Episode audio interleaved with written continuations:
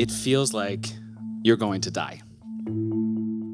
That if you step your foot on that tile, tomorrow's definitely going to be the day you get fired, but also you are going to die in a plane crash. that's actually how it feels to have obsessive compulsive disorder, or OCD.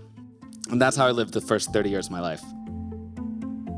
Se for deg at dette er en typisk morgenrutine. Du bruker først en halvtime på å ta på deg buksen. Du tar den av og på, av og på, helt til du klarer å ta den på på riktig måte. Du går på badet, og her må du først vaske hendene.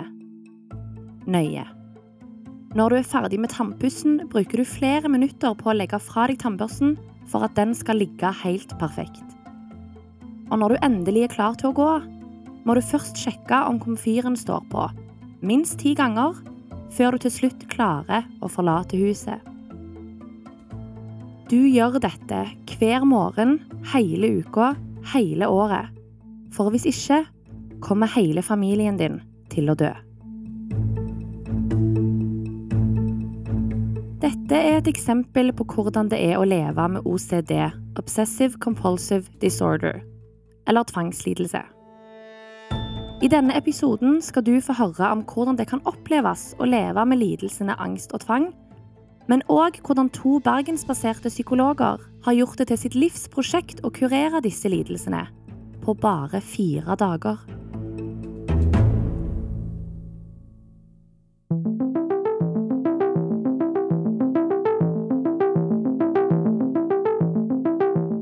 Du hører på Tech, håp og kjærlighet.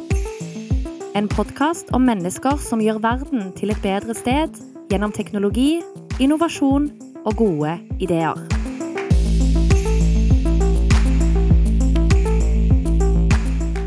OCD er en av eh, kanskje de mest invalidiserende angstlidelsene.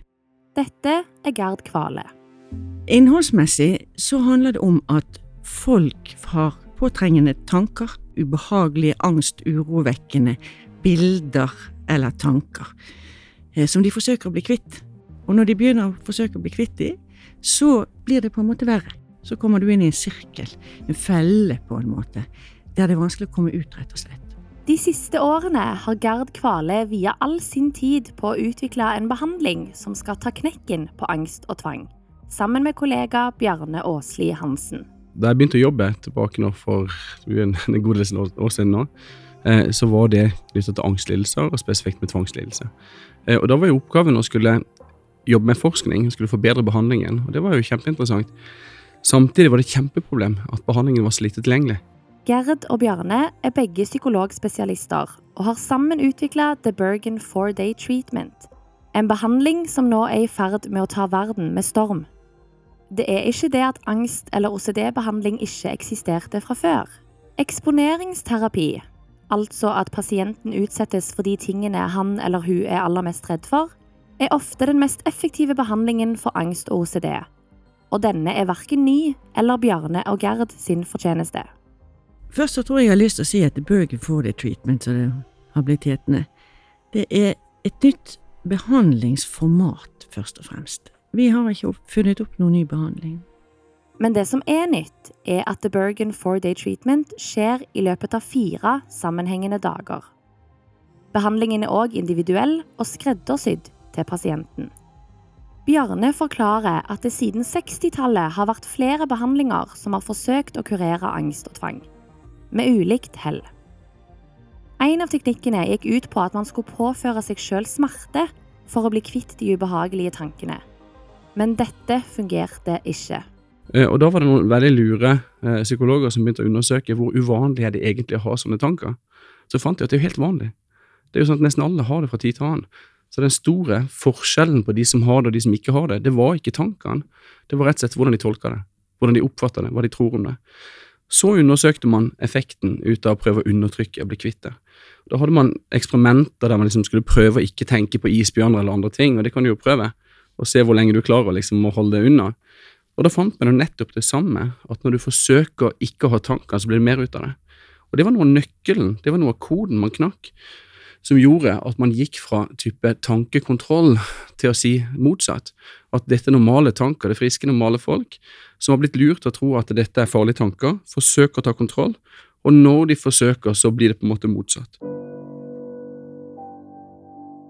Og det som er interessant med det der, det er at altså hvorfor blir man lurt? Hva er det som gjør at noen da blir lurt på det her? Og Det man ser etter, det er typisk for det første veldig snille folk, som vil strekke seg veldig langt da for å liksom være snill og god og sånn, og kanskje litt for langt noen ganger. Og så er det et eller annet med tvangen lurer deg til å tenke at dette er et unntak. Akkurat denne tanken må jeg likevel bruke litt tid på. Ikke fordi at man tror på det, men fordi at konsekvensene hvis ikke du gjør noe, kan bli så stor. Så hvis du da får tanke om at det kan skje en ulykke med barnet ditt i dag, så tenker du at det er kanskje en tullete tanke, men hvis det skjer, hvordan hadde jeg følt det hvis ikke jeg har gjort noen ting? Og så blir man liksom lurt til å gjøre litt, og da er du i gang. La oss gå litt nærmere inn på OCD. Lidelsen utarter seg på ulike måter fra person til person, men Gerd gir oss et eksempel. Hun forteller om en kvinne som sammen med sin ektemann skulle reise til et annet kontinent for å hente sitt svært etterlengta adoptivbarn.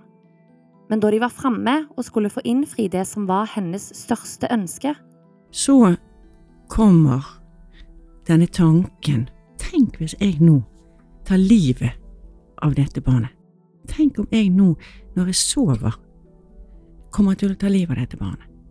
Og så kan du forestille deg når du har fått den tanken, hva gjør du da? Kvinnen blir veldig redd og begynner å gjøre ulike handlinger for å forhindre at hun skal ta livet av barnet sitt. Hun fjerner alle ting i soverommet som kan brukes til å drepe, f.eks. skjerf og belter, og hun får mannen til å sy fast hodeputen til madrassen. Og jo mer hun gjør, jo verre blir det. Det er en tvangslidelse. Bjarne forklarer videre at bredden i tankene som folk kan henge seg opp i, er enorm. Jeg bare la merke det sånn som i går, for eksempel. Ja, hvor mange tanker får jeg i løpet av en dag som jeg i prinsippet kunne ha spunnet videre på, sånn som det her? Og det er ganske mange. Så i går, for eksempel, jeg har kjørt bil, så la jeg merke til oi, hva om jeg plutselig har kjørt bilen over i motsatt kjørefelt? En tanke som popper opp. For meg gjør jo ikke det nå. Jeg har hatt en sånn tanke mange ganger før. Jeg vet at det er bare tull, og jeg vet at dette er noe som mange kan slite med. Så jeg blir jo ikke lurt inn på å begynne å ta kontroll på den type tanker. Eller hva om jeg smitter noen, eller blir smitta, eller hva om eh, Jeg lekte med, med døtrene mine og tenkte når vi gikk i trappa, tenkte hva om jeg hadde dytta dattera mi akkurat nå? En sånn type tanke. Hvis alle sammen hadde et sånt display på panna, der liksom alle fikk lov til å se på alle tanker du har i løpet av en dag, er det noe du kunne tenkt deg? Nei, jeg vil jo ikke det. Jeg tenker jo òg på en del rare, og innimellom litt urovekkende ting i løpet av en dag. Men hvor vanlig er det egentlig at folk utvikler OCD på grunn av sånne tanker? Det, det er vanlig å regne at eh, til hver tid så er ca. 1 av befolkningen. Eh, og det er vanlig å regne at i løpet av livet så er det mellom 2 og 3% som vil kunne utvikle og slite med et sånt type problem. Så det er utbredelsen. Man vet også at hvis du først har fått et stort problem med det her, så er sjansen for at det går over av seg sjøl ganske liten. Så med mindre du da får effektiv og riktig hjelp, så er det veldig stor sjanse for at du har samme problemet 20-30 år seinere. To tredjedeler av de som rammes av en tvangslidelse, de rammes før de er fylt 25. Så dette er på mange måter de unges lidelse sammen med andre angstlidelser. Gerd forteller videre at faren for å utvikle OCD er spesielt høy i det hun kaller for to sårbarhetsfaser, når man kommer i puberteten og når man skal få barn. Dette er to perioder i livet som innebærer endring, mer ansvar og nye roller, både for menn og kvinner. Og så kan du få utvikle en OCD egentlig når som helst i livet hvis du begynner å skulle ta kontroll på tanker og følelser på denne måten som vi snakket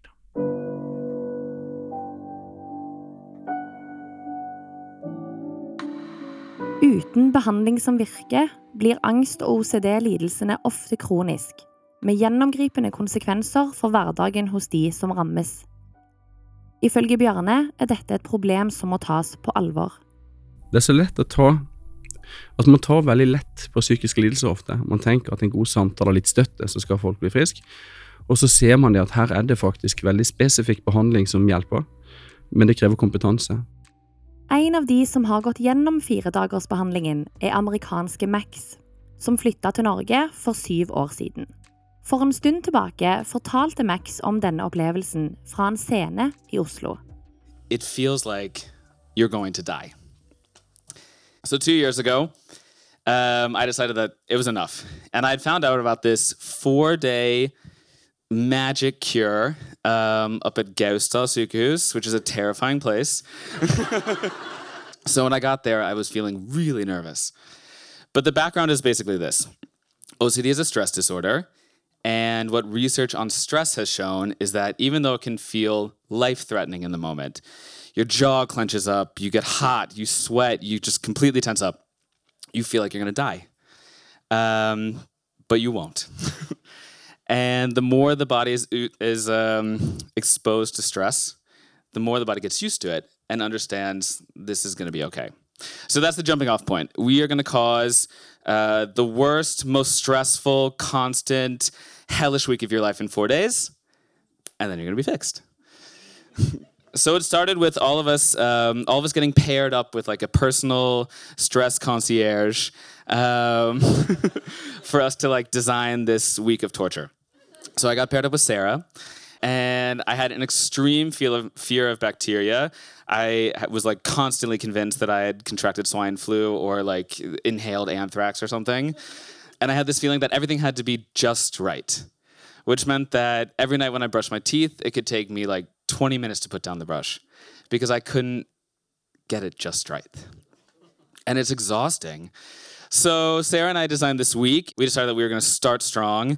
So we talked about what is the most disgusting place that I know. That is the men's locker room at Tøyenbadet. so that's where we're going.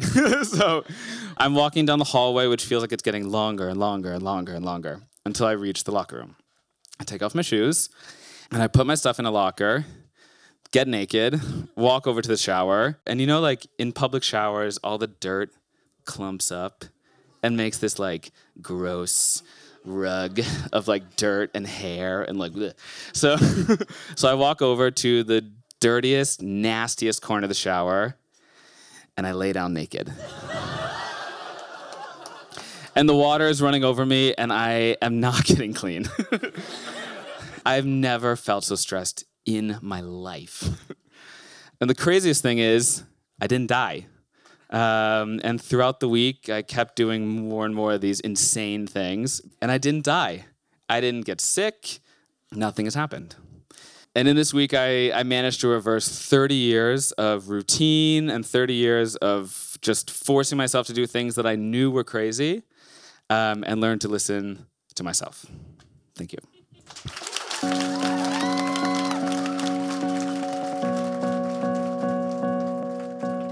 Det høres jo sprøtt ut at man skal bli frisk av en lidelse man har levd med et helt liv, kun på fire dager. Hvordan er det mulig? Hvis vi skal klare å hjelpe pasienter på fire dager, så er det veldig mye av andre behandlingstilnærminger vi på en måte må ta bort, og vi må finne frem til hva skal egentlig til for å kunne gi slipp på dette prosjektet ordentlig. Pasientene de vet på en måte at de skal eksponere seg, og det som er det typiske da, det er at pasienten gjør det, men samtidig bremser litt. Og da er det i disse bitte små mikrosituasjoner, det er akkurat det å på en måte begynne å kjenne igjen når du blir fristet. Det å kunne være tett innpå pasienten når de jobber med disse tingene, der vi mer av alt jobber med å gjenkjenne, hjelpe folk til å ta valgene, til å bli bevisst om de fremdeles beholder OCD-prosjektet, som vi sier da, eller om de våger ta sjansen på å gi slipp på ordentlig. Den type trening, den ligger det til rette for innenfor dette formatet. Jeg er Birte, jeg er 46 Nei, gud, da sa du. 47 år er jeg faktisk. Birte er en av over 2500 pasienter i Norge som har mottatt firedagersbehandlingen. Eh, Jeg har tre barn, og er i full jobb og samboer. Og lever nå egentlig stort sett sånn som alle andre. Eh, eller det er vel ikke helt rett. Jeg lever, har levd ganske begrenset. Det begynte jo i en alder jeg var 16 år gammel. Det var egentlig mitt første angstanfall. Eh, for jeg en Jeg hadde en besvimelse. Eller besvimte. Etter det så ble jeg kjempestresset. Men og, og var livredd for eh, å bli syk og dø, og fikk faktisk litt dødsangst. Eller ikke litt, mye dødsangst. Så jeg begynte å være veldig sensitiv for kroppslige reaksjoner. Altså ubehag, svette, varme, kulde. Egentlig alt. Det var da det begynte. I denne perioden, fra Birte er 16 til 20 år, opplever hun angstanfall hver eneste dag. Angsten fortsetter å prege hverdagen hennes i voksen alder. Hun unngår å bli med på ting fordi hun frykter angsten, eller angsten for angsten. Du finner jo noen løsninger på det. Sant? Du flykter. Du går av bussen, eller du går ut av kinoen, eller du stikker av fra det som påvirker deg. Men det gjør jo det bare verre. Eh, Det er jo det jeg har skjønt nå. Birte lærer seg altså å leve med og kontrollere angsten ved å unngå å utsette seg for de tingene som trigger den. Jeg var jo trist når jeg så hva alle andre gjorde. Eh, Da ble jeg veldig trist. Eh, Men jeg, når du holdt på med det i 30 år og prøvd en hel masse Lest masse bøker og lest masse om det, så tenker du ok eh, det, det, Dette må bare være sånn. Folk lever sikkert med det et helt liv. Birte innfinner seg med å leve med angsten for resten av livet. Men så skjer det noe som skal få uante konsekvenser. Paradoksalt nok så har jeg, det de kaller helseangst. sant? Redd for kroppslige fysiske reaksjoner og følelser. Jeg, så jeg fikk kreft. Og jeg har aldri vært så frisk eller hatt det så bra i hele mitt liv som når jeg hadde kreft.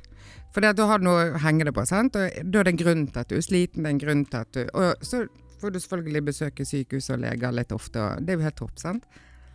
Så i forbindelse med stråleterapi og cellegift så um, har, du, har du krav på sånn tre samtaler med psykolog. Og Vi snakket jo om kreft nå, men jeg syns jo det var helt greit. Det taklet det bra. Og selvfølgelig fordi at eh, de hadde, det var gode prognoser. Og legen hadde jo sagt til meg at dette ordner vi, dette kommer til å gå fint. Eh, Så, så selvfølgelig hadde jeg fått dødsdommen, så hadde jo ikke jeg taklet det like bra, vil jeg tro. Og da begynte, kom vi inn på denne her historien om meg og hva jeg hadde holdt på med i alle disse årene siden jeg var ung. Og da sa hun det at ja, men du skal jo ikke ha det sånn. Jo, det, jeg har egentlig Det er sånn jeg, Nå har jeg prøvd, nå har jeg vært til psykolog et par ganger og snakket om dette her, og eh, Nei, hun syntes ikke det var riktig. Hun syntes ikke jeg skulle ha det sånn. Hun syntes at jeg skulle leve livet. Birte får altså gjennom dette, som hun kaller lykketreffet, tilbud om å være med på firedagersbehandlingen. Og hun skjønner godt parallellene mellom OCD-lidelse og sin egen angst. Jeg skjønner jo måten de behandler på. Eh, Det er jo for å komme ut av en tilstand, og OCD er jo en tilstand. Og det er jo angst òg. De kan bruke denne type behandling på alt dette. Disse menneskene, Bjarne spesielt han, da. Jeg trodde på de. Eh, Mitt livsmotto er det som er for godt til å være sant, det er for godt til å være sant. Eh, Men jeg trodde på han. Altså, når han fortalte hva de hadde tenkt å gjøre, og hvorfor, og hvordan dette virket, så, så trodde vi det. Så tenkte jeg, ok, ja, men det er greit. Dette prøver vi. Så Jeg var jo skeptisk hele tiden, men eh, jeg skjønte jo fort at dette var jo noe virkelig jeg kunne bruke til noe. For du må gjøre det sjøl. Det er jo det du må gjøre. Men du må se at det virker. Hun trodde på at de ville hjelpe henne. I samtale med firedagersteamet blir det vurdert om Birte er aktuell og motivert for å være med i behandlingen. Og jeg forsto jo det at det var eksponeringsteknikk. Og det har vi prøvd på, alle sammen. Hvis som har angst, vil jeg tro. Det har jeg ikke så stor tro på, egentlig, men, eh, eh, men at du får én terapeut med deg, alle som var på det. Vi var vel Hvor mange var vi da? Jeg tror vi var seks stykker. Eh, og hver sin eh, terapeut, eller hva man skal kalle det. De engasjerte seg virkelig i de personene, altså i oss. Det var, det var engasjementet deres og ønsket, at, ønsket deres for oss. Det var det som traff meg veldig. Eh, det har jeg ikke opplevd før. Og så starter behandlingen. Dag én, da, da skulle vi si noe vi var veldig redd for, eller noe vi ikke hadde lyst til. For min del var det det å bli svimmel. Jeg kan ikke Altså, jeg kan- utsette meg ikke sjøl for å bli svimmel i noe sammenheng. Eh, så skulle jeg Og det var jo enkleste sak i verden. Det var til å sitte meg på en sånn kontorstol og snurre meg rundt. Altså, jeg har ikke vært svimmel sikkert på 20 år, liksom. Jeg har vært redd for å være svimmel hver dag. Jeg har ikke vært det, jeg er bare redd for å være det.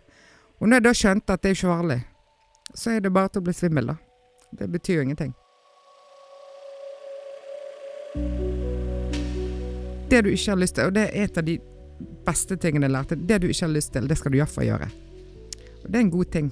Jeg kjenner jeg får helt frysebjørn når jeg snakker om det. Vi tok Ulriksbanen. Sist gang jeg tok Ulriksbanen med følge av familiemedlemmer, så satt jeg på gulvet. Eh, nå var jeg halvveis ut vinduet.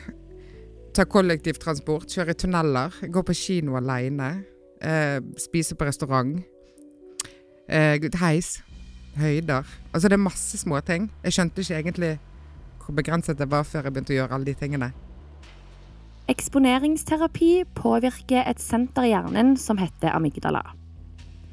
En gang da jeg var liten og skulle legge meg, fant jeg en edderkopp under dyna, og jeg skvatt helt sinnssykt. Og siden den gangen har jeg vært livredd hver gang jeg ser en edderkopp. Amygdala er en del av den gamle hjernen vår og skal bl.a. sikre overlevelse. Den fungerer som en alarmsentral som forteller oss om vi er i fare. Når amygdala 4 tar den over andre høyere funksjoner i hjernen, som f.eks. logisk tenkning, impulskontroll og planlegging. Den skrur altså av de delene av hjernen som hjelper den til å regulere ned følelsen. Dette er veldig nyttig hvis man er i livsfare, fordi det sparer tid og setter deg i beredskap til å flykte, kjempe eller fryse. Men ved angst og OCD så skjer det samme uten at vi er i reell fare. Amygdala lærer, som i edderkoppeksempelet, hva som er farlig gjennom erfaring, og hvordan vi responderer på den opplevde trusselen. Men amygdala er formbar og kan påvirkes og endres gjennom eksponering og måten vi handler på. Når de forklarte hva eksponering gjør med hodet ditt, det er fryktelig logisk. Jeg skjønte at dette kan faktisk du gjøre noe med. Hvor fort gikk det før du skjønte sånn Herregud, dette funker jo. Den første øvelsen. Ja. Den enkleste sak i verden. Ble svimmel. Eh, for, og det, det er derfor jeg sier jeg begynte da jeg var 16 fikk et anfall. Jeg ble svimmel. Jeg var livredd for å besvime siden. Det var jo ikke farlig å bli svimmel. For Max og Birte har firedagersbehandlingen endra livet. Men hvor mange av de som går gjennom denne behandlingen, blir friske? Vi ser det at eh, nærmere 70 eh, kommer så langt at det ikke lenger er et problem for dem. Eh, og det er interessant, fordi at hvis du sammenligner med det som er vanlig innenfor dette feltet, så ser man at det er mange som har en del effekt av behandling. Eh, Men det vi ser at andelen som liksom knekker koden og rapporterer at det ikke lenger er et problem, de har gått videre, den er høyere. Så mellom 6 til 70, og vi finner samme tall når vi undersøker da, eh, tre måneder senere, men også fire år senere. Så det er en veldig høy rate, betydelig høyere enn det man vanligvis finner. Og det gjelder både voksen og barn og ungdom. Kavlifondet har finansiert arbeidet med å gjøre firedagersbehandlingen tilgjengelig. Og offentlige helseteam i alle deler av Norge har i dag fått opplæring i metoden. Men i utlandet har man fortsatt en vei å gå. Vi får henvendelser fra hele verden som ønsker dette.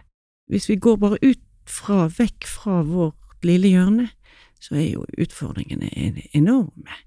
Vi skal klare nå å ta med oss den erfaringen og kunnskapen som vi har, til å lage et system, ikke bare i Norge, men også internasjonalt, der en får til å repetere dette. Og kanskje enda viktigere at når en da begynner å spre god behandling i utlandet, så blir det veldig viktig å ta med oss både treffsikkerheten, fordi at vi har nå utviklet noe som er treffsikkert, men å ta det med på en sånn måte at dette her er- virkelig kan bli bærekraftig, og at det kan være investeringer, fordi at eh, i det store perspektivet så er det, det stor mangel. I 2018 utpekte Time Magazine Gerd og Bjarne blant de 50 mest innflytelsesrike personene som har endra helsetjenestene internasjonalt. Denne oppmerksomheten har òg økt etterspørselen etter behandlingen. De har mottatt over 26 søknader fra ulike land om å få implementere behandlingen. Håpet er å kunne bidra til å hjelpe enda flere. Og det som spiller en viktig rolle i denne prosessen, er teknologi. Teknologi spiller en viktig rolle fordi at her har vi nå, har vi nå eh, veldig mange klinikker spredt over hele Norge som gir denne behandlinga. Vi har team som da jobber andre steder i verden. Og vi er helt avhengig av å kunne ha en flyt av informasjon som, som, gjør at man kan drive det som vi kaller for benchmarking, som er rett og slett å kunne sammenligne resultatene fra de ulike stedene. Så sømløse ordninger for å samle inn informasjon fra pasienter, og sømløse ordninger for å kunne ta, ta det i bruk. I tillegg så er det sånn ved behandlinger eh, og det var for så vidt Før firedagsformatet så så vi det at du har en del geografiske utfordringer. Så I Finnmark, hvor du har rett, rundt, rett over 70 000 mennesker i hele fylket, og da det tar fryktelig lang tid å bevege deg fra øst til vest, så, så ville ikke det vært mulig å ha et team som skal dekke hele eh, foretaket. Eh, det som vi gjorde der egentlig i forkant, at man da fikk et tilbud i noe, det var å eh, undersøke om du kan gi denne typen behandling også via f.eks. telematikk, videokonferanse og etter hvert i forhold til å bruke iPad og FaceTime. Og der vi så at det, det så ut til å gi akkurat like gode resultater, fordi at du er tett på likevel. Du ser hva som skjer, du snakker med pasienten, og du er tett på. Og nå har vi også gått over og ser at firedagersformatet kan gis ved hjelp av den type teknologi. Jeg tenker at vi har bare sett begynnelsen på hva som ligger i fleksible muligheter i dette. Det er fantastisk hva som kan ligge i dette.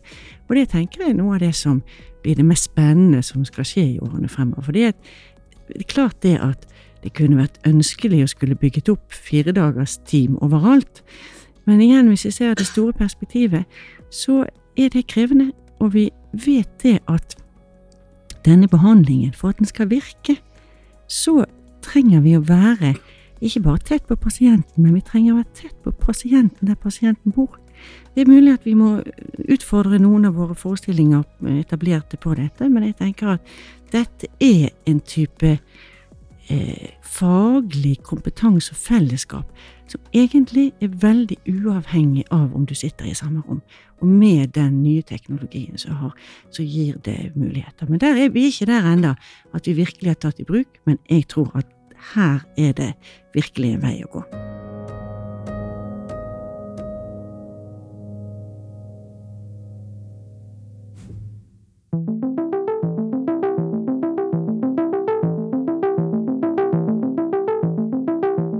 Hørt på tech, håp og kjærlighet. Gå inn på kavlifondet.no for å lese mer om The Bergen 4-Day Treatment og andre spennende prosjekter. Denne podkasten er produsert av Vrang Produksjon for Kavlifondet.